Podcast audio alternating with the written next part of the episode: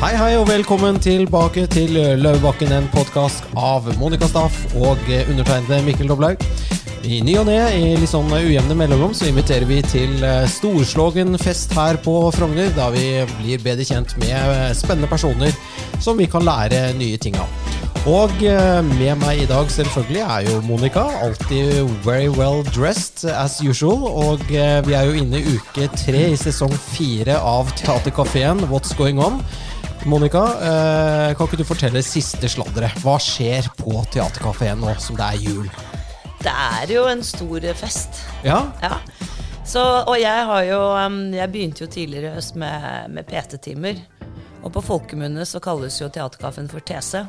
TC? Ja, så nå har jeg byttet ut PT med TC for en periode, og det kommer til å straffe seg veldig i januar, så da er det nok rett tilbake på PT. Rett tilbake på PT. Ja. Jeg har jo gått forbi Teaterkafeen eh, et par ganger, litt sånn som pikene med fyrstikken. Jeg står og ser inn i de varme Det er liksom nesen mot vinduet. Ja, ja. og der sitter folk og ler og smiler og spiser lutefisk og jeg vet ikke, hva, hva, hva, hva går det egentlig?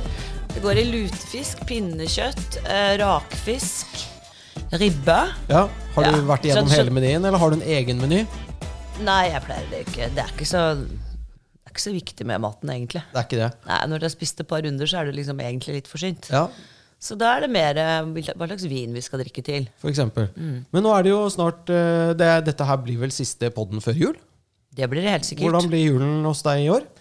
Litt annerledes, Litt men ja. annerledes. Det er um, Jeg har en datter som er høygravid, som skal fødes, og det er vel egentlig det som eh, kommer til å være Ja, Midt på julaften, eller? Jeg håper ikke det, altså.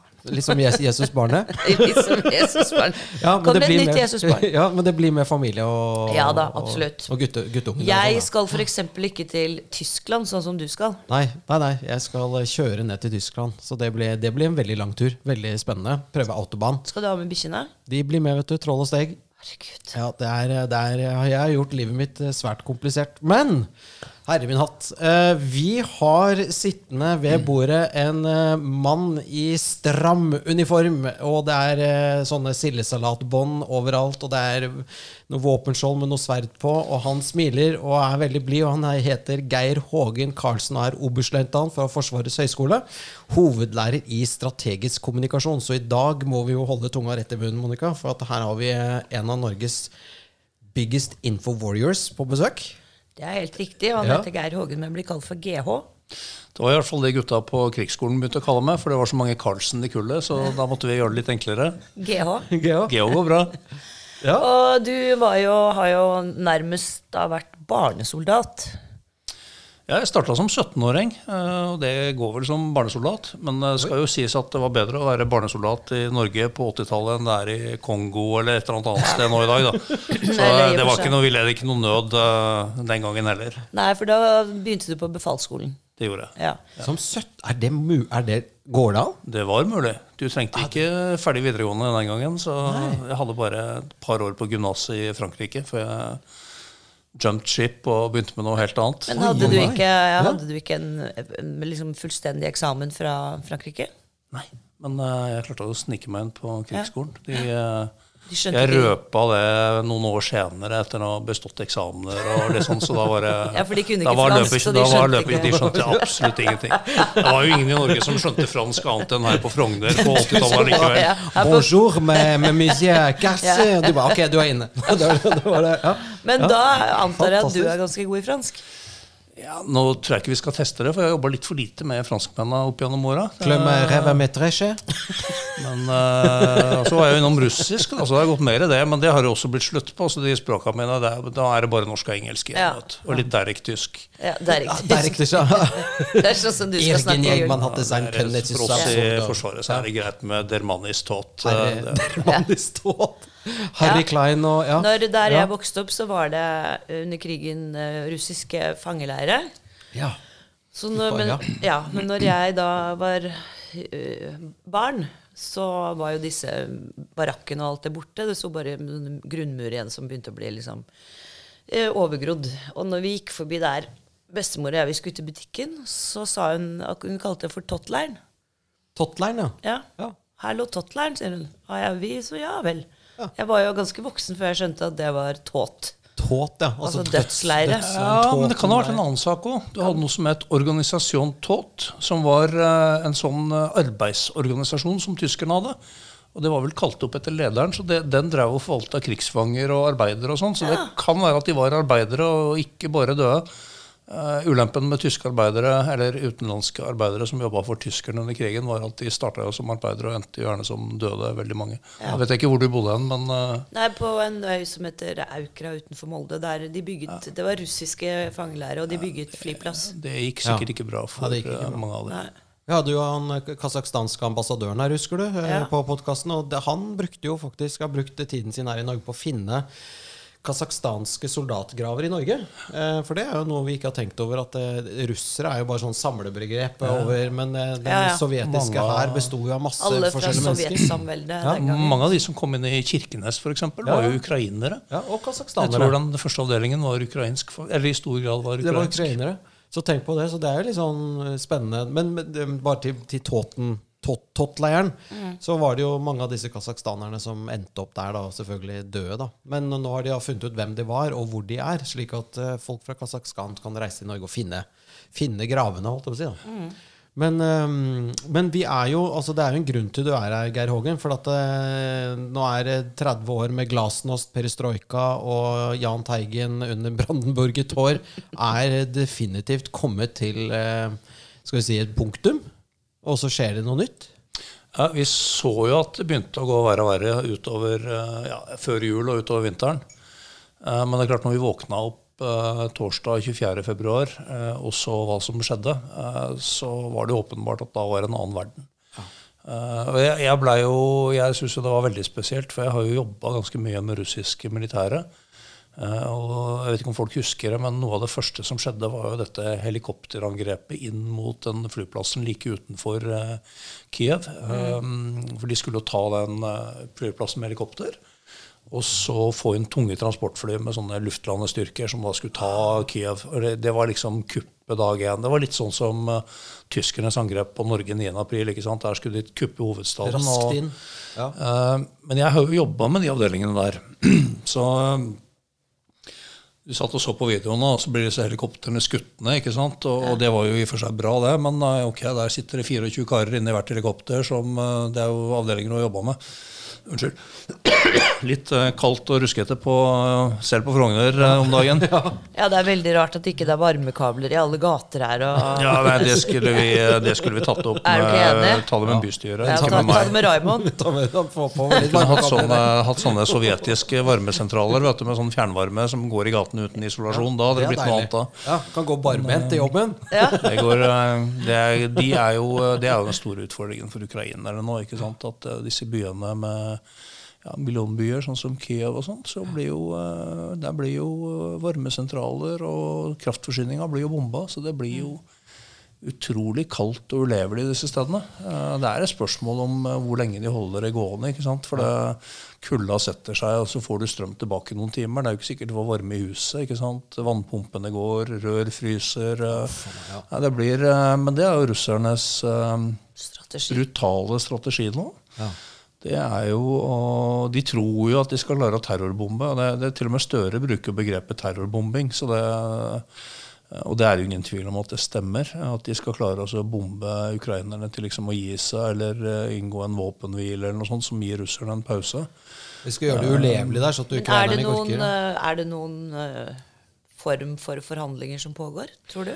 Ingenting som er kjent. Det, er, det kan jo være praktiske forhandlinger om utveksling av krigsfanger, og sånn, men, men ukrainerne, etter å ha sett disse overgrepene, ødeleggelsene, drapene, voldtektene og alt det som har vært på veien, de er jo ikke klar for å bli, eh, lage noen avtale med russerne. Og de har jo lykkes militært i eh, ja, de siste månedene. Så jeg tenker når frosten setter seg skikkelig i bakken igjen, så har de muligheten til å, å gå til angrep på nytt. Da. Det er litt sånn at du må få, det er veldig gjørmete der. Det er jo sånn flatt jordbruksland, så du må liksom få frost i bakken før du kan kjøre stridsvogner og, og panserkjøretøy utenfor veiene. Eh, Så får vi se om de klarer å ta tilbake mer av landet sitt før uh, våren kommer. Ja, så det er jo litt fascinerende og ja, Det er kanskje feil ord, unnskyld. Eh, Det er interessant å se, fordi at vi har jo alltid tenkt at eh, hvis det skulle bli noe krig, stor krig igjen etter annen verdenskrig, så ville det være sant, cyberkrig og, og, og avansert krigføring og ikke noe soldater på bakken og bajonetter og geværer og ikke sant, sånn. Så det er, det er jo rart å se at det faktisk er det som pågår. Ja, du vet at Nå har vi begge deler. Eh, og Russerne graver jo ned disse hundretusenvis av nymobiliserte karer som eh, kommer stort sett med dårlig utstyr, eh, lite trening, mangler befal, av gårde kåre ut til fronten og graver skyttergraver. Så, så du har jo en kombinasjon da, av noe liksom, eh, det verste du hadde under første verdenskrig, eh, kombinert med langtrekkende missiler og cyberangrep. Eh, så der noe er jo som i gamle dager, og, og noe er topp moderne. Men krig har alltid vært en blodig, grisete greie. Eh, og det må jo liksom illusjonen om at vi kan gjøre det med sånn, noen missiler på lang avstand, og så Kirurgisk og- rydder vi opp og sånn, den er, eh, la meg si, veldig optimistisk, da, for å være litt høflig.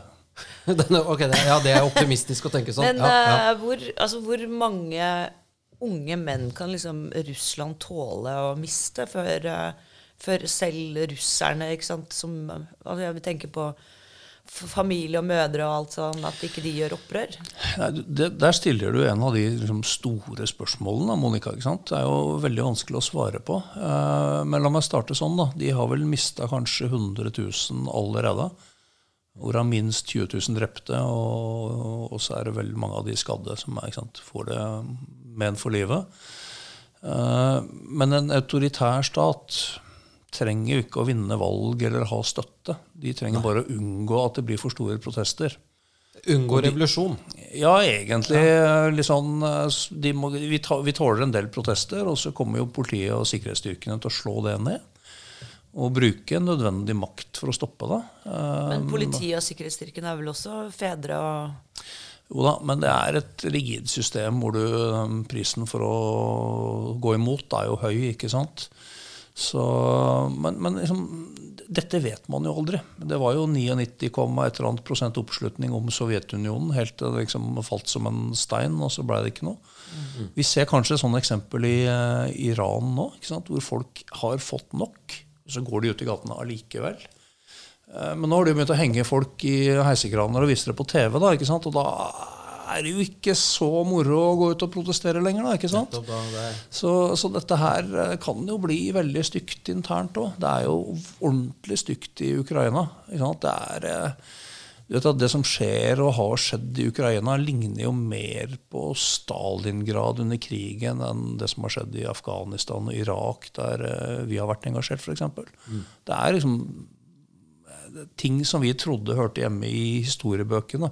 Eller i hvert fall i andre verdensdeler. Det har vi nå på dørstokken. Ja, for det, Det- det er tepp, altså de bare fjerner byer omtrent. Altså det, er ba, det er bare Ja, der, der kampene pågår, og særlig hvis de ikke flytter seg veldig mye, så er jo i praksis landsbyen og byene lagt i grus. Ja. Det er nesten ingenting igjen. Ikke sant? Jeg tror eh, man regner eh, litt forskjellige tall på det, men du prater kanskje 3000 milliarder kroner i, i infrastruktur og opprydding. ikke sant? Hvorav mesteparten er det største kostnaden er boliger. ikke sant? Jeg tror to de, statsbudsjett. Norske statsbudsjett. ja, noe sånt. ikke Bare sant? bygge hus. Ja, hus og veier og all, broer og jernbaner, og det er veldig mye som er ødelagt. Nå går det jo veldig på kraftforsyning, ikke sant? Så, så den prisen øker jo hver dag.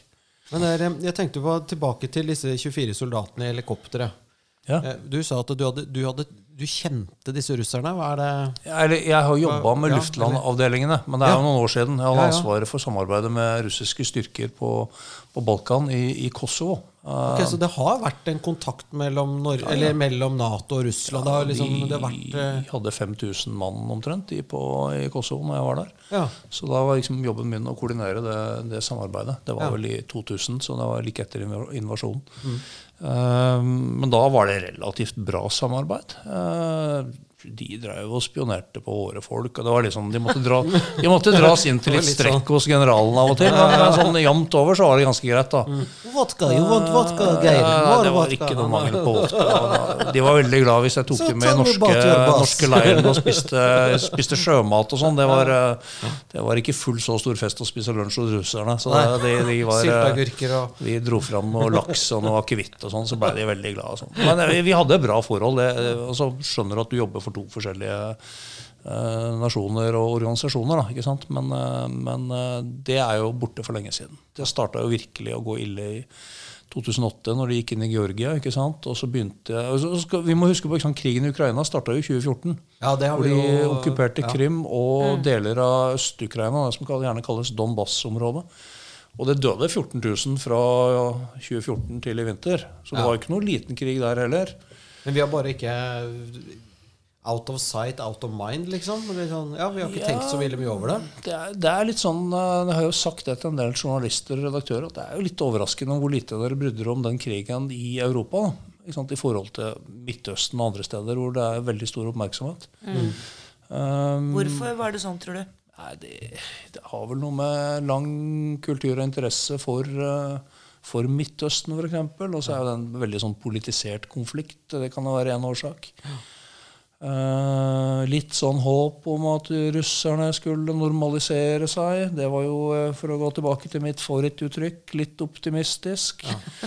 Det, det er bra uttrykk, eh, Nei, det Mikkel. Det, det kan det. brukes om alt. Det er sånn fra- the, the fra- subtle understatement, Ja, liksom. da Det er syns jeg det var litt Ja. optimistisk Ja, her. ja litt. Det, det, det, det liker. Men, men er vi liksom tilbake til at Russland helt siden Ivan den grusommes tid på en måte bare har vært et autokratisk styre, og russerne har blitt kjepphønset rundt av lederne sine, og det er lidelse og nød og krig og bare dritt? Altså, nå, nå setter Jeg maler jeg litt bred pensel, men Sign opp på alle begrepene du brukte der, ja, ja, Mikkel. men, men, men at det er, det er en gjennomgående tone på en måte i den russiske historien. Da, at de har jo aldri vært demokratiske. Nettopp. Jeg har jo jobba Nå må jeg si det, jeg har jo jobba med de militære og sikkerhetsfolk og sånn. ikke sant? Men du ser jo på kulturen der ikke sant? at eh, ledelsen bestemmer, og de kan gjøre akkurat hva de vil. True folk, straffe de eh, som du vil. Det er ikke noe det har ikke vært noen begrensninger på det. Nå skal ikke jeg være liksom kultureksperten på hvorfor det er sånn, men det, det, de har jo aldri blitt demokratiske, som sagt. Og så var vi eh, et visst håp om at det skulle gå bra utover 2000-tallet, men det og det er jo litt synd, da, for Russland kunne vært et veldig bra sted. De har jo enorme naturressurser, høyt utdanna befolkning. Og så begynner det å skrape litt i det greiene der. ikke sant? Og alle har ballett på skolen og så, litteratur og alt sånt. ikke sant? Men under så ligger det altså et voldsom mengde med, med liksom kynisme og maktbruk, og det er korrupsjon og ikke sant? Det er, eh, det er kanskje derfor det går så dårlig òg? De er knallharde, liksom. En mafia Eller ja, de er harde mot hverandre. Jo, eh, det er det. Mm, Og kombinert med at det er korrupt, og det er null tillit mellom nivåene. ikke sant? Så sitter du i bånn av den kjeden der på et eller annet våpenlager, så selger du jo det du klarer å selge, fordi sjefen din er en uh, kjip kar, og alle er korrupte. ikke sant? Og da, det ser vi jo nå. ikke sant? At, altså, Man prater litt om at Norge har vært naiv og sånn. Ja, men Åpenheten har jo tjent Norge ekstremt godt, både økonomisk og på alle andre måter opp gjennom åra. Det skal vi huske på. Eh, men når du har et system hvor alle er autoritære, korrupte, og det er null tillit Alle så stjeler, liksom. ser vi, ja, ikke sant? Og så ser du hvor råttent det blir. da. Det funker jo ikke i det hele tatt når det blir testa. Og det er jo på det du prata om her, eh, liksom uh, Før vi satte i gang eh, opptaket her, da, med liksom uh, Hva var det du kalte den derre Ikke sosionomstaten, men uh, Mammastaten. mammastaten og pappastaten. Yes. Torbjørn Røe Isaksen var her forrige gang og snakket litt om det. Ja. Så, det. så nå er pappastaten tilbake, da. Altså, Norge må bruke mer på sikkerhet framover. Det gjelder liksom Det gjelder Forsvaret, det gjelder politi og sikkerhetstjenester. Det gjelder sikkert mange andre områder i samfunnet.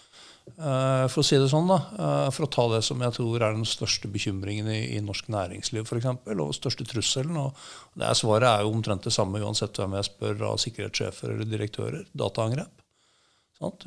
Som jeg sier, eh, hvis du sitter i et styre eller ledelsen i en eller annen bedrift, liten eller stor, og ikke vet hva du skal gjøre hvis eh, IT-sjefen din ringer deg klokka fire på morgenen og sier at du, vi må skru av alle systemene, for nå har vi et større løspengevirusangrep eh, her. Eh, da har du et problem. Da blir det kveldstjeneste i dag. For da må du begynne å håndtere det. Det treffer jo hvem som helst. ikke sant? Store bedrifter, små. Norsk Hydro betalte en milliard for å rydde opp. Hæ? Det kosta Norsk Hydro en, en størrelsesorden 1 milliard med direkte og indirekte kostnader for å rydde opp etter, eh, etter dataangrepet i var det, 2019. To år siden? Tre år siden? Jeg husker jeg gikk forbi Hydro-bygget her nede. og Da sto det sånn PST-vakter utenfor med sånne disse her sorte BMW-ene sine, og de så veldig skumle ut. Ja, ja da, da gikk du på andre sida av gata da, og Ja, ja. oppførte deg pent. Jeg oppførte meg veldig Nei, ja. Men du liksom bare blir Jeg sånn hånden i lommen, altså, akkurat som jeg hadde en pistol i frakkelommen. Da. Nei, da, nei, men jeg bare husker at det var ganske alvorlig. Da. Ja. Men har du tenkt på det, Monica? Du driver jo, altså, Har dere noen systemer på, hos, hos dere? Er Sånn, jeg tenker på med dataangrep og sånn. Nei, altså vi bruker jo For det første så har jo hver enkelt leietager hos meg har jo sitt eget opplegg. Mm. Men så har vi også et datafirma som passer på at vi har firewalls, og at det oppdateres jevnlig og Mm. endrer passord. Så det er nok på et veldig enkelt nivå. Nå tror jeg ikke vi er av stor interesse for uh, utenlandske myndigheter. Nei, men Vi kan treffes litt sånn tilfeldig av uh, løsepengevirus som bare sprer seg. ikke sant? Ja. Et av de største angrepene som har vært, er noe, som kalles NotPetya. Eh, det, det infiserte et mye brukt ukrainsk regnskapsprogram. Og så spredde det seg videre via de regnskapsprogrammene. Og da jo, kan det jo treffe hvem som helst. De fleste firmaer har jo regnskap, da. Eh, Smart sted å Nei, starte. faen, Monica, nå går det i overskudd her, og har milliard på kontoen i dag. Men det er ve- veldig hot tips hvis vi skal begynne med sånn eh, cyberangrep. ja. Gå på regnskapssystem, TrippelTex og disse her. ja, Og begynne å surre der. Lurt. Eh, Veldig lurt. Men eh, nye vi, forretningsideer over Ja, eh, eh, the dark, dark Empire er rising. Nei, men men, um, tidligere samfunns- og sikkerhetsminister Ingvild uh, Tybring-Gjedde hun sa til meg en gang at uh, når du får en beskjed om å oppdatere iPhonen din, så, så gjør det, sa hun, for da har det skjedd noe. ja. Er det riktig? Ja da, eh, og det er jo litt sånn at de, de store kommersielle operatørene er jo ganske flinke. Så, så det er jo, hvis du følger det, så er jo det det er, det er liksom et absolutt minimum. Eh, og hvis du er en bedrift eller organisasjon, så, så må du liksom du må ha backup av systemene og jevnlig lagring et annet sted. Så blir systemet tatt ut, så, så har du dataene et annet sted. ikke sant? Så, Og hvis du har et anerkjent sikkerhetsfirma som, eller datafirma som driver det, så bør jo de ha de, de tingene på stell. Men Hva med clouden, da? iCloud? Det, det er liksom litt sånn Google Cloud. Ja, ja, Hvor lett er det er å få tak i Ja, det er sånn, du vet at De største operatørene har jo uendelig mye større ressurser til å jobbe med sikkerhet enn det et enkelt firma eller en statlig virksomhet i Norge har alene. Ikke sant? De har hundretusener, millioner av kunder. Mm. og store interesser av ikke å, ikke å Stenge ned. stenge ned. Ikke sant? For da, da tapper jo konkurransen med en gang. Eh, så skal det også sies at hvis du prater med de litt mer avanserte sikkerhetsfirmaene i Norge, så er, så er det sånn, det er utfordringer mange steder. Du, du kan kjøpe tjenester, f.eks., og så en eller annen tjenesteleverandør. Da, satellittkommunikasjonsleverandør, regnskap, hva som helst. Så Hvis de først har svakheter, ikke sant, så sprer det seg til alle kundene av den samme ofte. fordi at de, det, er, det er lettere å komme til. det. Nå skal ikke jeg ta alle detaljene om datasikkerhet, annet enn å si at uh, ta det på alvor. Og Ja, altså, det er bruk en- litt ressurser på det. For at du, det, det er liksom en sånn stor trussel uh, uansett uh, hva du driver på med. Kan du kalle det liksom en digital slagmark? Ja, det er jo det, egentlig. Ja, Vi ser det ikke, men det skjer as we speak. på en måte. Ukraina har jo vært i sånn stor digital cyberkrig med Russland siden 2014. ikke sant? Men det er jo ute i samfunnet her, ikke sant? for det er noen som tjener enorme pengesummer på det. Og da, så lenge de tjener penger og reinvesterer i mer avanserte metoder, mer avansert skadevare, mer brukervennlige løsninger, sånn at du kan betale for å få tilbake dataene dine? Bruk PayPal og Ja, ja, altså de, ikke sant? De, de, de, dette er ren business, og Ja. jo mer du tjener, jo mer kan du investere, og mer, eh, bedre går det. Vi er i feil bransje, Monica. det er, eh. de ble tatt, da. Disse, de, Det ble arrestert noen folk av de som sto bak f.eks. angrepet på Norsk Hydro. ble jo tatt i Ukraina her for ikke så lenge siden. Var det det var ukra ukrainere? ukrainere.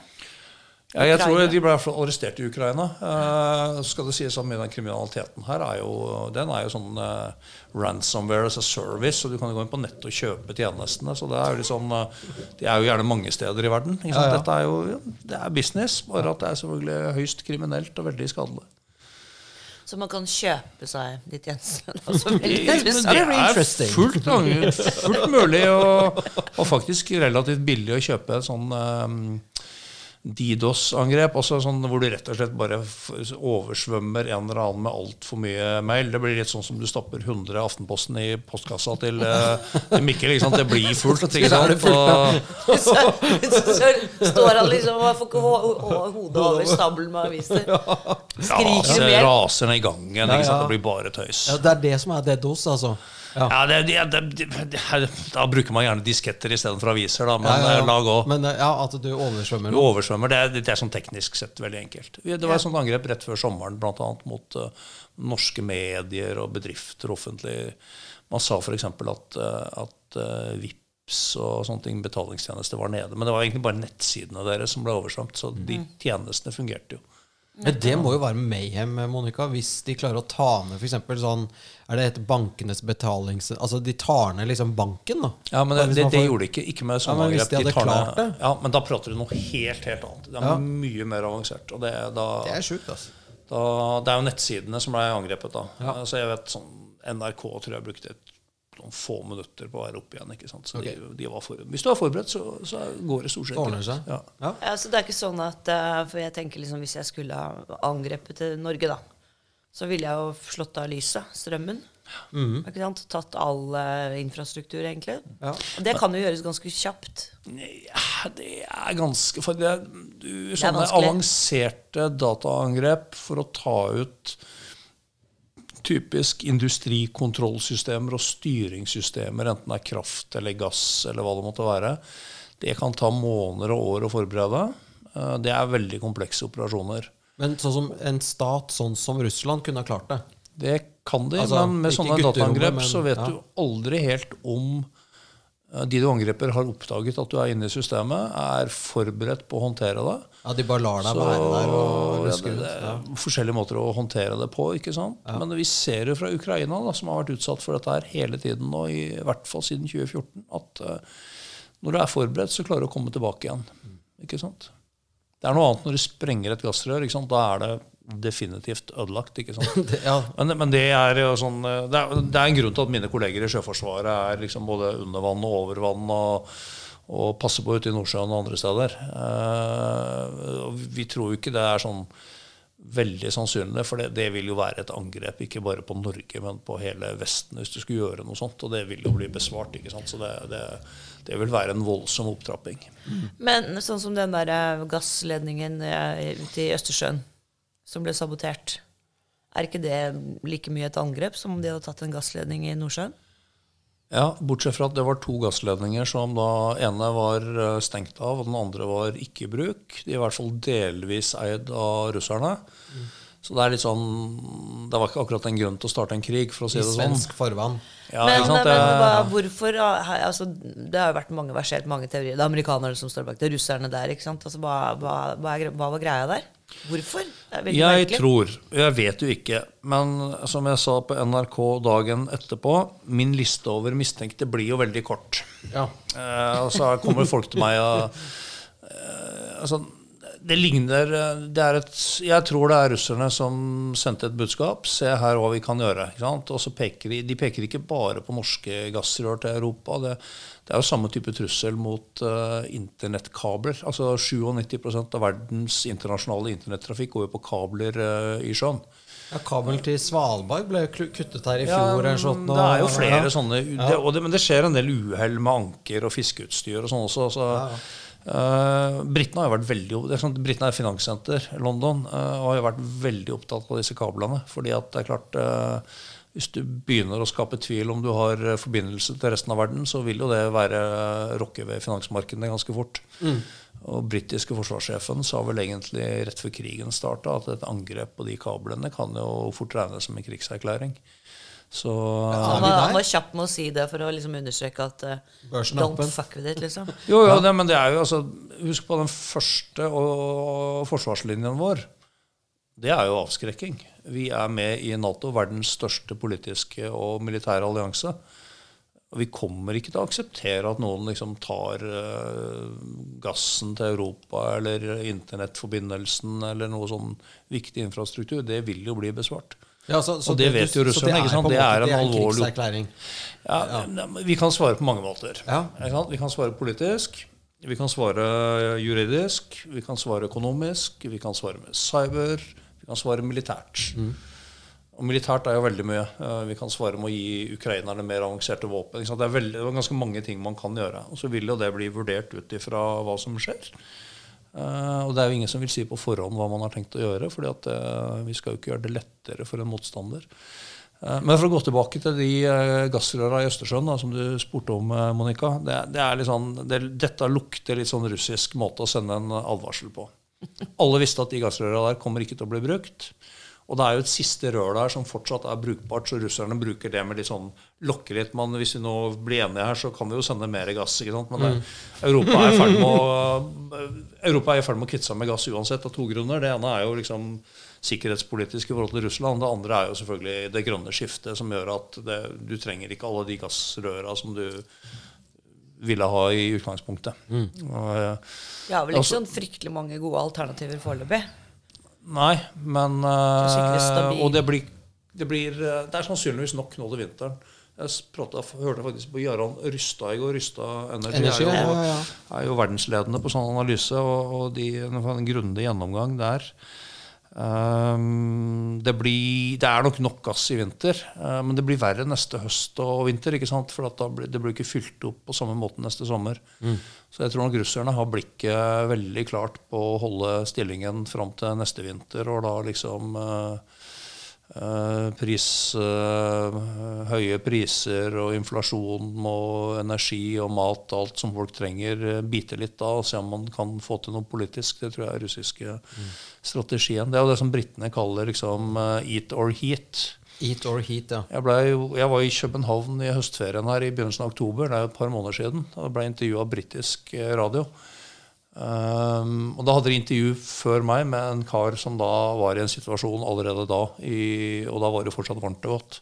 Han hadde ikke penger nok til både gass og mat, og bankkontoen var tom. Oi. Så det er litt sånn uh, Norge Det er en del som sliter med strømregningene, både næringslivet og, og folk i Norge. Men det er klart at uh, det blir verre i en del områder i Europa. Det er det liksom ingen tvil om. Um, og det er nok en russisk strategi å se om det kan få lage så mye sosial og politisk uro utover vinteren at eh, det presser oss til en, si en våpenhvile eller noe sånt som de kan bruke da, til å bygge opp militært og komme tilbake igjen. Så alle skjønner Alle som setter på den gamle John Lennon-låta med 'Give peace a chance', må jo huske på at det du egentlig synger da, det er jo 'Give President Putin a chance'. En chance, ok, Sant? ja. Så det, den strategien er jo, eh, er jo lett å gjennomskue. Men det er klart den kan jo bli politisk krevende å håndtere en del steder. Det er jo ingen tvil om. Så han, han har lest sin Klaus von Clausewitz, eh, han også, for å si det sånn. Eh, Og lyttet på John Lennon. Ja, ja. Nei, men altså, eh, Clausewitz eh, var jo en eh, prøyssisk militærkadett som skrev en bok som heter Vom Kriege, altså om krigen. Eh, og han mente jo da at eh, krig var jo egentlig bare Det er jo bare politikk. Altså du har politikk og diplomati, og så til slutt så handler det egentlig bare om å presse din vilje over på noen andre. Og det kan du gjøre med gi penger, f.eks. Eller altså det er mange måter å få din vilje til å skje, da. Og så hvis da den motparten ikke blir med, så da sender du inn militæret, da. På en måte, altså med vold, da.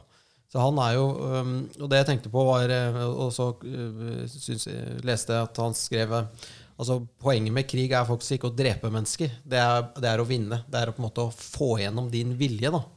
Og det er jo det Hvis du nå snakker om at øh, Putin venter et år til, da, så at det blir ordentlig mørkt og kaldt, da, så kanskje vi gir oss uten å avfyre et skudd, da. Ja, eller i hvert fall Altså, vi, Det blir avført noen skudd akkurat nå, men, men jeg, tankesettet, unnskyld, tankesettet ditt er jo helt enig ikke sant? De prøver jo egentlig sånn Det er jo egentlig politisk strategi, det der med å skyte på kraftforsyning i Ukraina. ikke sant? Det er jo ikke et militært mål, men det blir kaldt og sannsynligvis ulevelig for mange. Da risikerer vi en større flyktningbølge vestover, og så satser man på at det skal føre til mer politiske problemer igjen. ikke sant? Så det, det henger sammen. Strategien til russerne henger sammen. Den er veldig brutal mot de karene som eh, skyfles ned i skyttergravene med store tap, og den er veldig brutal mot, eh, mot eh, Ukrainas sivilbefolkning. Eh, men jeg, det er jo ikke så vanskelig å si at eh, hvis du sitter i Kreml og har dårlig med alternativer, så sier du at ja, ok, dette er en plan vi går for. Monica, du, vi snakket jo litt om før han kom, eh, en teori du hadde. Men, Hvis jeg hadde en teori da, så er det ikke sikkert jeg har den nå. jo, men det var veldig lurt. Hva var det du sa for noe? Ja, Du kommer på det. Helt sikkert. Ja. Du sier jo bare lure ting. Ikke Ja, ja, ja, ja, Vi tar noe det annet var et eller annet med krig Ja, Krig, nei, krig er alle menns mor. var det det? Det var ikke det jeg sa i sted, men det, krig er alle menns mor. Eh, eh, alle menn. Ikke sant? De er krig. Hadde det vært krig i verden hvis det bare var befolket av kvinner? Hva tror dere? Ja, det hadde vært mye krangling, i hvert fall. Ja, Mye lugging og kloring. kloring og. Mye baksnakking og sånn. Nei da. Veldig mye Nei, nå er jeg veldig sexistisk. Ja, Unnskyld. veldig.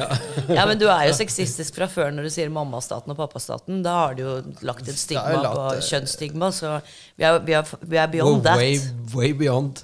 Men jeg er, jo, jeg er jo enig der, jeg også. Men la meg komme tilbake til en ting du var inne på i sted, Monica, som jeg aldri besvarte. ikke sant? Men det er, liksom, ja, det er noen som spør meg Kanskje det var amerikanere som sto bak de gassrøra. Ja, ja, ja, ja, okay. ok. Dette, dette er spennende. Ja. Men, men det var la, det. la, meg bruke, la meg bruke et begrep som i hvert fall finansfolk skjønner, med oppside og nedside. Hva er oppsiden for amerikanerne med å sprenge et rør i, eh, blant allierte? eh, Eller to rør da, som allerede er eh, tatt ut av bruk. Den oppsiden er bitte liten. Er ikke-eksisterende, for de kommer ikke til å bli brukt. Det får russerne til å fremstå som om de har gjort det, og så har de ikke gjort det. Ja, men Russerne gjør nok gale ting. Ikke sant? Du trenger liksom ikke Ivan er litt sånn rampete. Han Også, som tenner på gardinen og skylder på andre. Og det er liksom putter knekkebrød i senga di og sånn. Tenk, tenk på nedsiden, da. Ikke sant? Tenk på nedsiden. Hvis amerikanere hadde blitt oppdaga for, for å sprenge de røra ja, De hadde jo undergravd det politiske samholdet i Europa dramatisk. Så det er liksom Det er, det er vill fantasi. Ja. Det er eh, Det må jeg si. Um, Så er det noen som sier ja, men liksom, jeg kjenner jo folk som dykker til 80 meter. Ja, ok. Jeg har dykkersertifikat, og jeg har sprengt mye som en del av jobben. Det er mye festlig vi gjør i militæret. Det å er jo byttedrøm å sprenge ting. Ja, ja, og det er, ikke sant? Men, men så sier jeg ok, vi skal ned på 80 meter. Dykker lenger enn det jeg kan. Sprengning langt nede i sjøen er noe annet enn på land. Ja. Um, du skal ha noen hundre kilo sprengstoff. Det skal du skaffe et eller annet sted. Du skal ha en tennmekanisme som fun- funker nede på 80-100 meters dyp. Det er liksom ikke bare å tenne lunte, sånn som vi kan gjøre på skal, Kan du ikke fjerne ja, men da, det, da trenger du spesialutstyr for å gjøre det. ikke sant? Mm. Og så skal du gjøre alt dette her, rekruttere folk som tar jobben. Som holder kjeft Og så holder holde kjeft. Og du skal få tak i sprengstoffet uten at noen oppdager at du får tak i det. ikke sant? Mm. Og alt det andre. Og så skal du frakte det ut. Komme ned der, gjøre det, komme deg unna og fjernavfyre det. Dette er en spesialoperasjon. Det er liksom, det er ikke det er ikke Skagen dykkerklubb som har tatt på seg det oppdraget vi Da det- ble det mye Skagen-røre. Altså. Kan man ikke bruke ubåt, da? Ja, og det er jo sannsynlig at man Sånn bruker. Sånn robot, ikke sant? Du har en ubåt, så har du med deg den bomben under Mm. ubåten. Bare sånn, litt sånn som du hadde på, har på fly. ikke sant? Som missiler. Så bare, og så har du en sånn robotarm, så bare setter du Ja. den på plass. Det kan godt hende. Stikker du av gårde, trykker på knappen.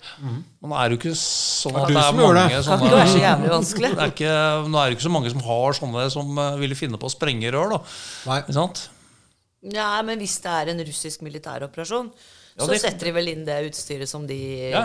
som gjør det enklest for dem, og minst synlig. Og det, er, det, du er, det du er inne på da, er jo, høres jo rimelig ut. De har jo ubåter og miniubåter og utstyr for å operere under vann. sånn. Så, Men um, du uh, Må spørre deg om en ting. Du er jo Nå fikk Mikkel en telefon fra en dame. Nei, nei, Hva er det Siri? Hun driver og hører på oss. Ja, det, eneste, det, er, det, er- er, det, er er den ikke eneste, Siri. det eneste dama Mikkel snakker med, er Siri på iPhone. Det er veldig trist og leit, det hele. det er kanskje noen som lytter på podkasten før det, den blir lagt ut ut. Ja. Det er bra. Det er Som bra. er så kine, liksom. Eh, altså, du kom jo Din far er lærer. Ja. Og moren din jobbet i noe administrasjonsgreier i forbindelse med det samme, ikke sant? Skole, skolevesenet. Hva gjorde at du eh, gikk til militær vei? For det er liksom det bakgrunnen din. Jeg syns det var spennende. Og så var det liksom, Der kan du gjøre noe spennende og litt aktivt utover sånn eh, vanlig kjedelig skolearbeid. Ja, Men så trodde jeg, jo på dette var midt på 80-tallet, på den kaldeste delen av den kalde krigen. Så jeg mente jo at jeg, dette er meningsfylt. Altså, vi har noe å forsvare. Sant? Selv som 17-åring så klarte jeg å tenke det. Ja, tror du det er mange 17-åringer som tenker sånn i dag? Nei. Det er på TikTok, det, vet du. Kanskje du begynner å tenke på det? Men eh, jeg, men jeg synes, vi, er- vi har jo alltid klaga over de som er yngre enn oss. ikke sant? Det har jo alltid vært sånn. Ungdommen men, nå til dags. eh, men eh, ta nå de soldatene vi får inn, da, vernepliktige.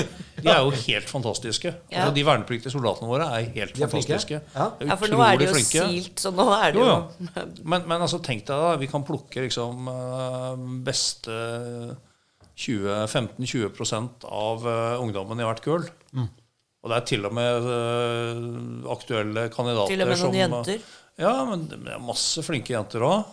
Det, er jo ikke- det er jo ikke alt som skal gjøres med de, du vil ikke bruke de som fotsoldater ved førstelinjen her. de, Noen av er de gjør veldig sexistisk. veldig bra Jeg bare tenker praktisk, jeg. Ja, mange, mange av de er godt trent og Mm. motivert og, og, og flinke. ikke sant? Så, så vi er veldig heldige. Altså, det er jo ikke så mange land, det er jo ikke så mange russiske vernepliktige som, som liksom bruker advokat og øyelege for å komme inn til tjeneste. ikke sant? Det er jo ikke et sted hvor du har lyst til å bli kalt. Altså, I Russland så er det sånn du, Hvis du har kontakter, så slipper du. Hvis du har penger, så slipper du. Hvis du kommer inn på høyere utdanning, så slipper du. ikke sant? Ja. Og Vi vil jo helst ha alle de som både har penger, kontakter og høy utdanning. Altså, Vi vil ha de flinke, og de får vi. Så, så jeg, jeg tror ikke vi skal eh, Jeg tror jeg vi skal være veldig glad for det. Eller Heimevernet, f.eks. Helt vanlige folk. Det er kjempebra.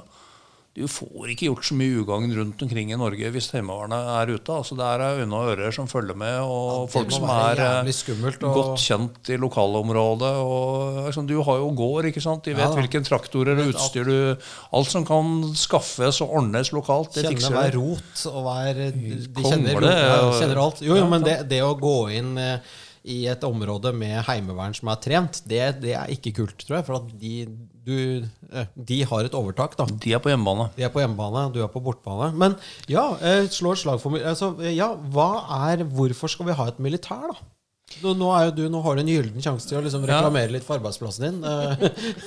Eh, Nei, altså, det, eh, det starta jo å ta det helt grunnleggende. Ikke sant? Når man begynte med stater i riktig gamle dager, så var det liksom for å Vi trenger forsvar. Det er, vi trenger en stat for å styre og, forsvare folk mot andre. Det var, liksom, det var liksom det opprinnelige utgangspunktet. Og så har staten begynt å gjøre atskillig mer opp gjennom åra. ikke sant?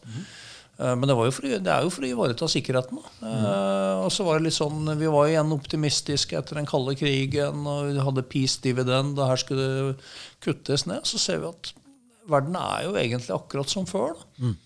Hvor mange hadde spådd ja, Ok, for å si det sånn. Uh, 9-11. 11.9.2001. Hvem hadde litt sånn eh, i begynnelsen av september 2001 sagt at ja, vet du hva, nå tror jeg norske soldater kommer til å være og slåss i Afghanistan sånn eh, rett før jul? Ikke sant? Eh, not skjer ikke. Og, jo, men det skjedde.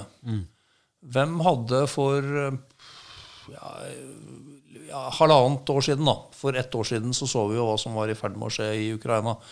Men for halvannet, to år siden sagt at vet du hva, jeg tror det blir storkrig i Europa.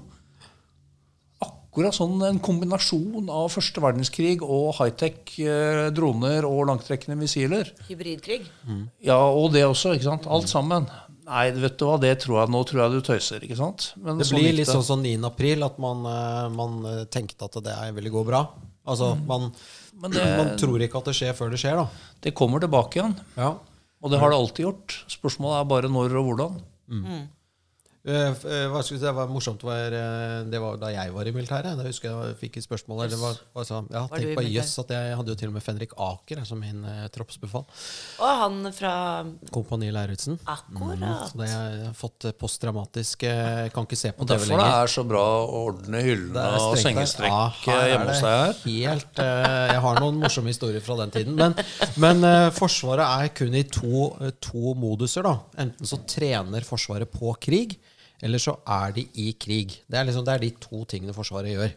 Ja. På krig, eller er i krig. Ja, det kan du si. Litt forenkla så stemmer jo det. ikke sant? Så er Ja. det forskjell på Det ikke krigene. ikke sant? Du har storkriger som Ukraina, hvor vi altså vi er jo ikke med der, men? Det, det er sånne. Og så har du sånne forbereder. Ja, ja. småkriger, egentlig, eh, sammenligna i hvert fall, hvor du, noen få er i Afghanistan f.eks., eller Irak, eller et eller annet sånt. Mm. Så, men det er, jo sånn, det er litt sånn som fotballag òg. De trener mer enn de spiller kamper. Det er sant. Det er faktisk et veldig godt poeng. Man trener, trener mer på fotballkampen. Og så er det litt sånn, Vi vet aldri når cupen begynner. da, ikke sant? Den, eh, plutselig så kommer den. Ja, ja, ja. Du må bare trene og trene. Altså. Nei, du, nå starter vi cup til søndag, første runde. Ja. Eller nå går du av med pensjon, så du får aldri vært med på kamp. Ja, ja. ja. Men, eh, men eh, også nummer to med reklame for eh, Forsvaret. For jeg har en veldig fin sånn reklamesnutt som heter eh, Det er bilde av alt mulig som skjer, og så Hva er det vi vil skal skje? Ingenting.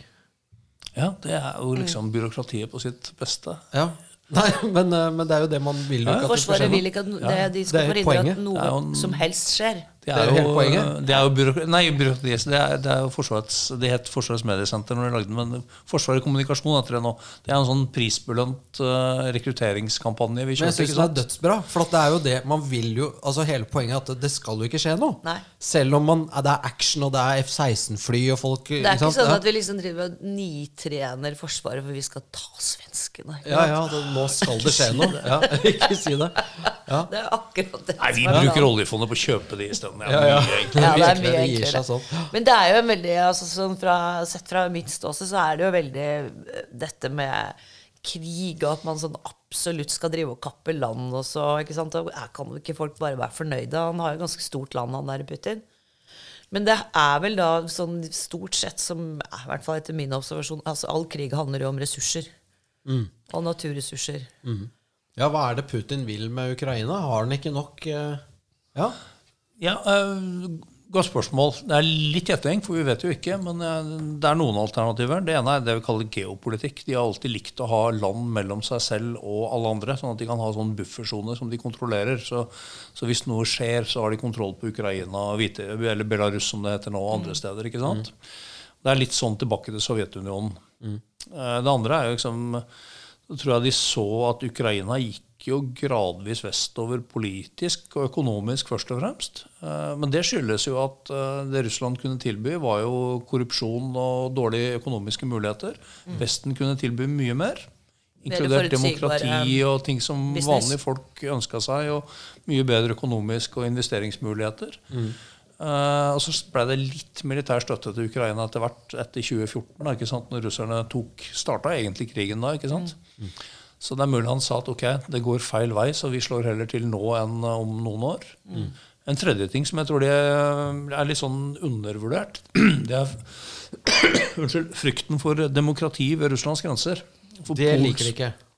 polsk og baltisk økonomi eh, ca. tredobla seg relativt sett i Ukraina og Russland. ikke sant? Eh, men, men klart, hvis Ukraina plutselig hadde tredobla økonomien i forhold til Russland, så hadde det blitt åpenbart for absolutt alle i, eh, i Russland. at Vår politiske og økonomiske modell er jo helt dysfunksjonell. ikke sant? Og det ville jo undergrave de som styrer Russland. Ja, så han ville vært redd for at da ville det blitt et opprør. Ja, ikke sant? Lillebror Politiske protester, liksom. opprør Ja. til slutt. Ja, og så var det kanskje personlige ambisjoner òg. det sies, og det har jeg hørt fra mange, og også en god del gode kilder, at han har vært veldig opptatt av historie de siste åra.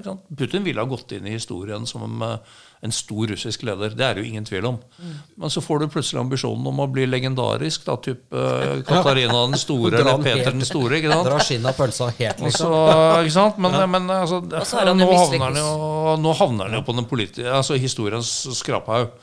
Problemet er at det blir dyrt og blodig på veien dit. Det er jo det som er så synd. Ja, det er en fin så han vil, ikke, han vil aldri i verden gi seg på noe som helst, tror du? Nei, jeg tror ingen forbinder president Putin med å gi seg. Tvert imot. Hvor, hvor redd tror du han er for Moskva? Altså, jeg tenker at Hvis han hadde begynt å kødde ordentlig, kan man ikke bare sende en ordentlig fet missil rett inn i Kreml? Og Da ødelegger det jo veldig mye historisk i byen. Det tror jeg ingen altså Jeg tror vi skal la russerne sorte ut det som skal være internt i Russland. Men det er klart han er redd for han er redd for eh, opprør i gatene, og det er jo ekstremt vanskelig å spå. ikke sant? Og Du kan begynne å slå det ned med, med vold, men det kan jo føre til mer desperasjon, og så rakner det fullstendig, og så rakner sikkerhetsstyrkene. Belarus var jo nesten der for to år siden, etter det valgfusket som var i 2020. Ja, altså, strikken var- ryker, liksom? Da, ja. Det gikk jo 100 000 i gatene. ikke sant? Og det, da er liksom på vippepunktet hva, Vet du om sikkerhetsstyrkene er lojale nå, eller finner de ut at Ja, det er Nei, vet du hva, dette Bytter de side? Vi bytter side, så rakner alt. ikke sant? De er selvfølgelig redd for kupp. Men eh, nå er det- jo startet kupp i et sånt system ikke sant? hvor alle er forberedt på å luke ut enhver som eh, lukter forræderi. Det, det er jo ikke noe, det er ikke noe sannsynlig, det heller. Jeg tror ikke de er veldig redd for at eh, Nato skal angrepe. eh, For å være helt ærlig. Det er jo nesten ikke styrker igjen f.eks. oppe i nord Ja, Altså Kola f.eks. Ja, Murmansk. Det er interessant. Men, men ja, for, det var det vi snakket om, Monica. Om denne krigen her er over til jul, eller om den Altså, Snakker vi om et, en krig Du, du Monica, tenker at den kommer til å vare noen år, du, denne krigen her? At det er liksom ikke over til mai, liksom?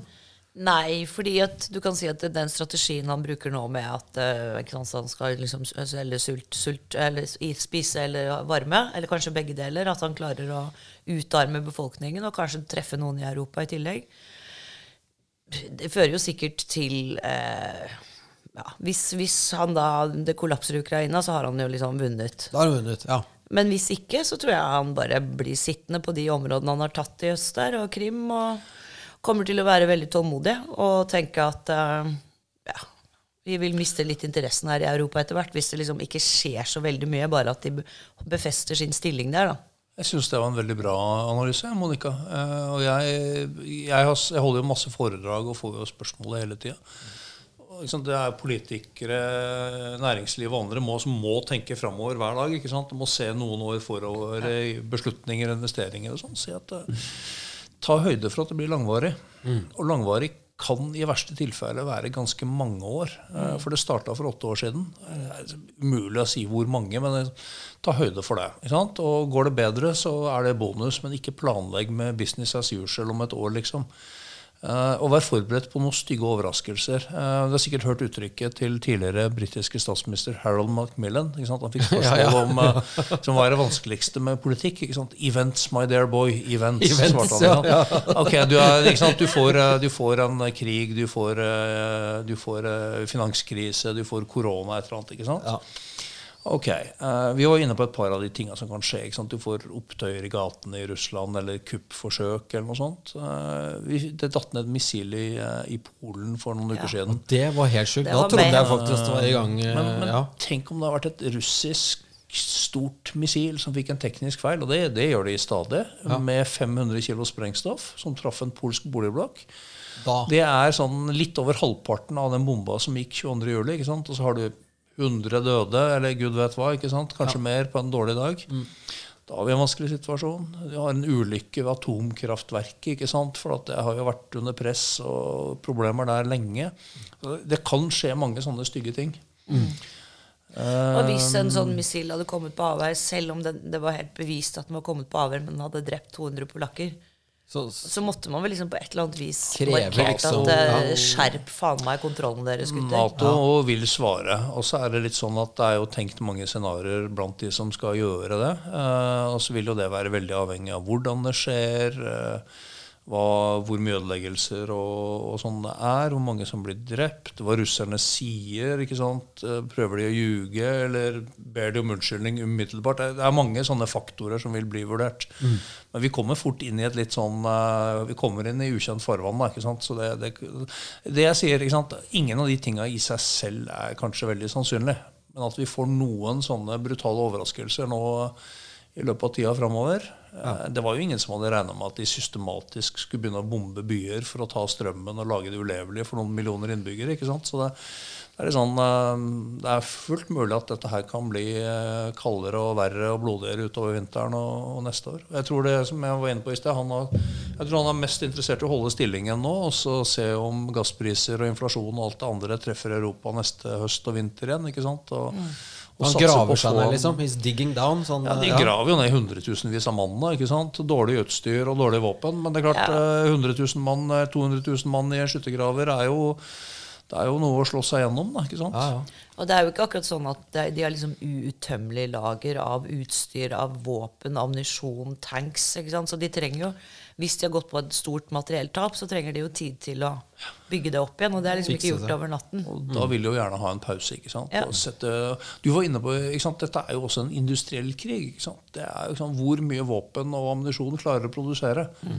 Uh, de setter jo landet på krigsfot. Så kan du, Er du arbeidskraft de trenger, så blir jo de sendt. ikke sant? Er det noen råstoffer her som er mulig å få tak i, som vi trenger? eller mikrochips eller hva det er, så går jo det til eh, våpen og ammunisjon nå i dag. ikke sant? Mm. Så de driver jo økonomien på en sånn krigsmodus, i motsetning til, til, her. ikke sant? Men Hvor mange artillerigranater har de? Altså, Jeg hørte noe sånn at de skyter flere tusen artillerigranater i døgnet? Ja, det har vært helt oppe i 50 000 på russisk side. Men de begynner å gå tom på det um, nyeste og mest avanserte. Og da går det ned altså De har enorme våpenlager fra Sovjetia. Enorme. Jeg har vært altså, på sånn rustningskontrollinspeksjon. ikke sant? Det er, det er sånn det står hundrevis av pansra kjøretøyer ute på et jorde, f.eks. Ja. Problemet er bare at det har jo ikke vært vedlikeholdt. Og hvis du i tillegg pga. korrupsjon så har uh, ja, karene på verste finner ut at vi river ut alle kopperkablene og selger kopper ikke sant? Det blir jo, et, eh, det blir jo vanskelig å rydde opp i etterpå. ikke sant? Ja. Så, så, men, men ikke sant? så det er jo så det er, det er mye der, eh, men i dårlig forfatning. Og det vi ser, De sender jo stridsvogner fra 60-tallet til fronten. Men det blir sånn, Hvis du setter en gammel Volvo Amazon på låven, da, og så setter du en Tesla ved siden av, så venter du noen år. Vil du ha en 60 år gammel Volvo Amazon eller en noen år gammel Tesla som bare har stått der? Jo, ikke sant? Det blir jo den gamle Amazonen, for den sparker i gang. ikke sant? Den Teslaen er jo flat og ødelagt, og elektronikken er gående når den har stått lenge nok uten å bli brukt. ikke sant? Så, um, så det, det går nedover på utstyret. Men, Ja, men så må må de jo ha drivstoff til det. Altså de må jo ha diesel og Men det produserer de selv, vet du. Russerne er jo Ja, men så du skal, Store skal på det. Når du skal lage våpen, du trenger stål. Ja, men de har alt. Russland har jo så mye ja, Det- altså, har men de de mangler det, det vi ser på avansert utstyr. er jo tjåka fullt av vestlige, vestlige komponenter, og særlig elektronikk. da. Så er det ett område hvor sanksjonene faktisk biter, så er det jo Ikke levere. på, på eh, industri, industrielle sanksjoner. ikke sant? Eh, Fabrikkene der er helt fulle av eh, vestlige industrimaskiner. Japan, Tyskland, Israel, USA, hvor de kommer fra. Jeg var oppe på, på Raufoss, på Nammo her for noen uker siden, ikke sant? og se på sånne avanserte produksjonslinjer for artillerigranater og missiler og sånn. Det er high-tech hele veien. Um, og det er klart, Har du vestlige industrimaskiner som du ikke får reservedeler og ikke softwareoppdatering på, og du får ikke mikrochipene du trenger, og sånt, så da stopper jo det avanserte produksjonen ganske fort opp. da. Ja. Og da er det liksom kjøpe fra Iran og Nord-Korea og men Det er jo ikke øverste hylle, men det er klart eh, alt duger hvis det er det du får tak i. Så hvis det blir, dette blir en langvarig krig, da, så kjøper man aksjer i Kongsberg våpenfabrikk. Ja, det, Nå skal ikke jeg være sånn eh, investeringsrådgiver, men, men eh, nå har jo de aksjene gått ganske kraftig opp. Uh, siste- Ja. Du skulle gjort det i fjor, da. ikke sant? Ja, før, før det ble krig, for det, men du vet at det er akkurat det du sier. Det var det ingen som tenkte at det skulle bli. Nei, nei. Så jo, men men, men det, det betyr altså rett og slett at vi må bare forberede oss, sånn som Monica har analysert det, at dette her tar, kan ta tre-fire At dette kan ta noen år. Worst case, og det ja. blir eh, mange døde og gørr og jævlig, og dette er ikke noe Skal det være god jul-hilsen julehilsen Ja, fra deg, vi- ja, nei, vi, vi, har fortsatt noen minutter til å ta det etterpå, men, men, men altså, jo, men det er greit å eh, Du leser i avisen er sånn euforisk om det. Ukraina gjør kjempefremskritt, det går så bra. Ikke sant? Nå er det, det er over til jul. Altså, det er litt den der ønsketenkningsgreia, og så har du virkeligheten. Det er langt igjen. Det er langt igjen, da. Og jo verre det går, jo flere folk kaster russerne igjen. Og de, om de mister, eh, sett fra Kreml, om de mister noen tu- titusener eller hundretusen, så, så er det sånn russerne har gjort det før. De erstatter eh, kvalitet med kvantitet. Og mor Russland har mange sønner, og det fortsetter de med så lenge ikke protestene blir eh, umulig å håndtere. og hvis de har lidd store materielle tap, så er det jo lurt å prøve pause. Uttalingsteknikk istedenfor å ta en slags pause. Ikke sant? En god tid. Og for eh, Ukraina er jo da De har til og med fått våpen fra Norge. Ja da. Det er Det mer er på vei. jobber hver eh, dag med trening og gi våpen og trening og alt annet de trenger. Ja, ja. Kraftforsyning er en utfordring. eh, Ukrainas frihetshjelp. Ja da, vi holder på å mye, en mye humanitær eh, hjelp også fra Vesten. Og det er klart at eh, hvis altså Nato kan jo, har jo ressurser til å pøse på med våpen. Ja. Og vi er nok der at vi er villig i Norge til å gå Altså Vi har jo liksom ikke enorme våpenlagre. Vi har jo for lite av mye. Men vi er nok villige til å gå noe ned, for vi ser at eh, akkurat nå, når russerne sliter med Ukraina, så skal de jo eh, de, Da går det ikke til angrep på Nato, liksom. Nei, så det Eh, Men så må vi bare begynne å anskaffe den nå, da. For det- vi ser jo leveransetiden på, på moderne våpen og ammunisjon nå kan være fra ett til fem år. Ja, så kan det vel være at en del av det blir kortere hvis man starter opp nye produksjonslinjer òg. Men det som med våpenindustrien er jo øh, Hvis de skal investere i sånn ny produksjonslinje som du kanskje tar 15 år på å avskrive, da, så er de jo litt skeptiske når de ikke vet om den krigen her varer liksom, To uker var til, en ett år. Ikke sant? Det er liksom... sånn, eh, så det er jo en diskusjon hva man, eh, hvor, eh, hvordan det skal økes òg, da. Ja. Det ryktes jo at amerikanerne har strukket kjølen på 43 nye destroyere. Oi. Men det er vel mer ment for Taiwan, vil jeg tro. Helt sikkert. Er, og da er vi over på den andre store utfordringa. Mm. vi sliter med Russland nå, men sant? det store store utfordringa er jo hvis de får en konflikt med, med Kina i fremtida. Det Og det, amerikanerne er jo veldig tydelige. Eh, Britene og andre òg. At akkurat nå haster veldig med, med Russland og Ukraina. Men på lang sikt så er det jo Kina. Eh, og det er mm, ti ganger så stor økonomi og, og befolkning. Og ikke sant, en helt annen integrasjon med vestlig økonomi. Da, ikke sant? Så det, det, det blir jo noe helt annet. Det rammes liksom med gassforsyninger og, ja, og en del andre ting med, fra, fra Russland, men, men det rammer jo ikke Vesten på samme måten som brudd i forbindelsen med Kina ville gjøre. Og det er jo også drives fra kinesisk side hard lobbying bl.a. mot Saudi. Ja, ja. På Eh, på, altså nå er jo verdens reservevaluta er jo dollaren. Og oljepriser, alt måles jo i dollar. De vil jo Ønsker det over på sin De vil i hvert fall uh, prøve å underminere dollaren som reservevaluta. Men, det, men det, det er jo det som jeg tenker eh, Vi skulle jo gi uforbeholden hjelp og støtte til Irak. Eh, uforbeholden hjelp til i, i Afghanistan. Altså eh, Er det slik at kanskje ukrainerne bør eh, President Tokayev i Kasakhstan sa is better with a bad peace than a good war. Eh, bør de kanskje man eh, finne en løsning med Putin før Vesten mister interesse, hvis dette varer og varer og varer. ikke sant? Og så plutselig så begynner amerikanerne å holde på med Kina. Do Donald Trump blir valgt til president og bestemmer seg for at det er fuck, fuck Europe, og det er Kina som gjelder. Altså, det er jo litt, man, man må jo, NATO. Eller fuck Nato, for den saks skyld, for vi ikke har betalt nok altså, Ting skjer, da. Events, my dear boy. Altså, bør liksom ukrainerne kanskje også belage seg på kanskje avstå Dessverre eh, store deler av landet sine og, og b- bli ferdig med dette her og bli medlem i Nato og EU og, og slikke sårene sine og gå videre, liksom? Mitt klare inntrykk fra, fra liksom alle i Vesten og Stoltenberg, det er liksom at uh, så lenge ukrainerne vil slåss, så skal vi eh, sørge for å støtte det. Og så må de til syvende og sist være de som avgjør. Når de vil gi seg. Eh, ja, og så er det litt sånn at det er liksom to tidspunkt hvor kriger avgjøres. Da litt sånn prinsipielt. Det ene er jo hvis den ene parten lykkes, og så sier den andre yes, vi inngår en våpenhvile nå for at vi taper.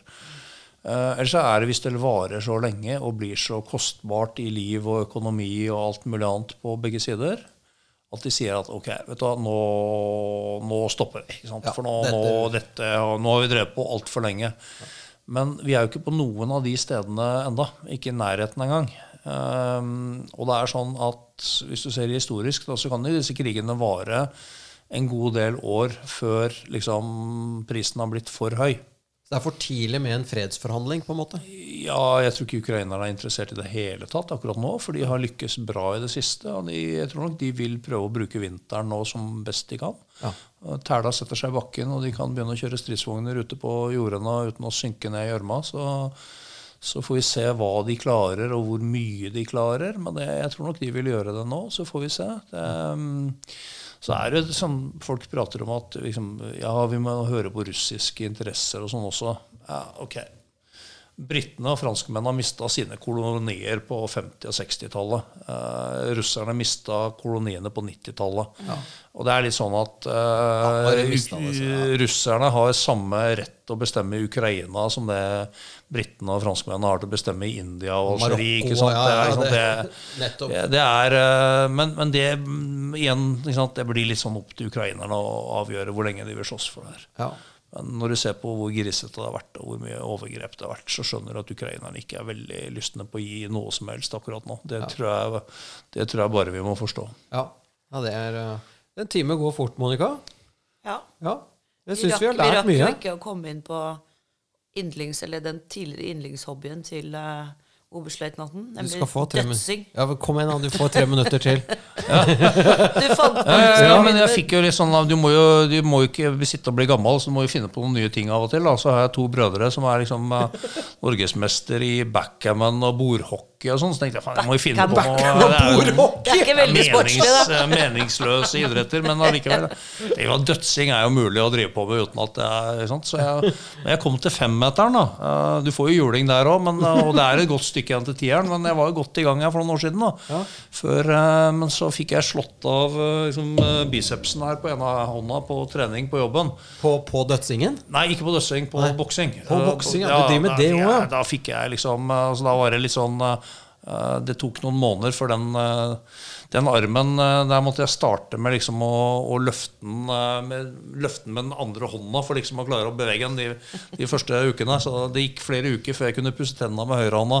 Så, eh, Ja, by, by the time så tok koronaen svømmebassengene, og da ble det liksom ikke noe mer. Så, men kanskje vi skal begynne med det, Mikkel. Du og jeg og trene på dødsing. Jeg får tømt uh, Frognerbadet når jeg legger Når jeg legger meg ut i svale Og så skal du mageplass. Ja, du skal gå sammen. Er, er det sånn? Du skal gå sammen? Ja, du må gå sammen. Det er veldig veldig dumt å ikke gå sammen. Og lagene lande på magen, eller jeg har landa sånn med- delvis på låra, delvis på ryggen. Ja, det er sånn. vondt. Selv fra femmeren er det vondt. Jeg, har, som sagt, jeg kom aldri lenger opp før jeg Men hvis du Jeg tenker at hvis du eh, hopper og, så, og bare treffer liksom rett med eh, Spikeren?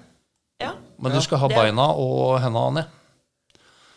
Sånn rekelanding. Du skal lande som en reke. Men eh, Det er hvorfor, det. Nei, det er Spør gutta i Internasjonale Spør gutta i eh, Frognerbadet om det. Aksel Hennie driver med det her. Dødsing. Det er veldig, det er sånn guttegreie. Døds Association. Ja. Men, men hvordan måles dødsen på den bluppen, den spruten som kommer opp over deg når du kommer nedi? Altså hvor mange meter opp i luften du spruter? Hvordan er Jeg det du tror det, det er liksom det, det, det er to ting. Det ene er liksom eh, hvor mye sånn artistisk eh, krøll og, og turning du tar på veien ned. Og det andre er liksom eh, hvor seint du lukker eh, Altså, Ja. Du kan hoppe flatt ut, men du skal liksom innta rekeposisjon før du treffer. da Ja. og, og, og det er litt sånn på timingen. da For hvis Hvem du begynner å bomme det er, Hvem tør lengst? Og hvis du bommer på det, så da, blir det, da blir det slitsomt. Det, det. Da blir det ikke noe god jul. vet du. Da blir det ikke noe god jul. regner jeg med at det er bare um, kvinner i juryen, ikke sant? Ja, ja. Se på tøffe gutta. Se på som dødser Ja, og det må være en jobb for deg. eh, Det, det er en jobb for meg. Dette blir vi med på. vi blir med. Og julen, hvordan feires den? Du skal hjem til mine foreldre i Horten. Ja, Med foreldre og broderen og ja, litt sånn. Så Ja. det blir eh, Han bordhockeykaren. eh, Nei, det, det er hos han faktisk hos han uh, backgammon-karen. og så er det jo selvfølgelig ribbe på julaften. Og så er det pinnekjøtt, og det er jo hjemmelagd. Altså Jeg lager jo pinnekjøtt eh, Det er hjemmesnekra ja. på gamlemåten. Så da salter jeg grovsalter i oktober og henger opp uh, grovsalter i tre dager. Og så henges det opp eh, sånn var jeg faktisk på hytta og henta det her eh, sist helg. Så det er eh, ikke noe sånn, ikke noe sånn hurtigtørka greie fra norsk, eh, norsk eh, matindustri. Altså her gjør vi det på gamlemåten. Så vi kan bestille av deg til neste jul. Ja, ja, ja, helt klart. Jeg skal slå meg på sånn uh, småmat Eller sånn, er det sånn kortreist uh, matproduksjon. Jeg, vet. Ja, det er veldig bra. Når freden, kommer, når freden kommer, så skal jeg gjøre det. Ja, veldig bra. Tusen, tusen takk, og riktig god jul til deg. Og til deg også, Monica. Ja, god jul til dere to, og alle sammen som gidder å høre på dette. Riktig god jul. Riktig jul.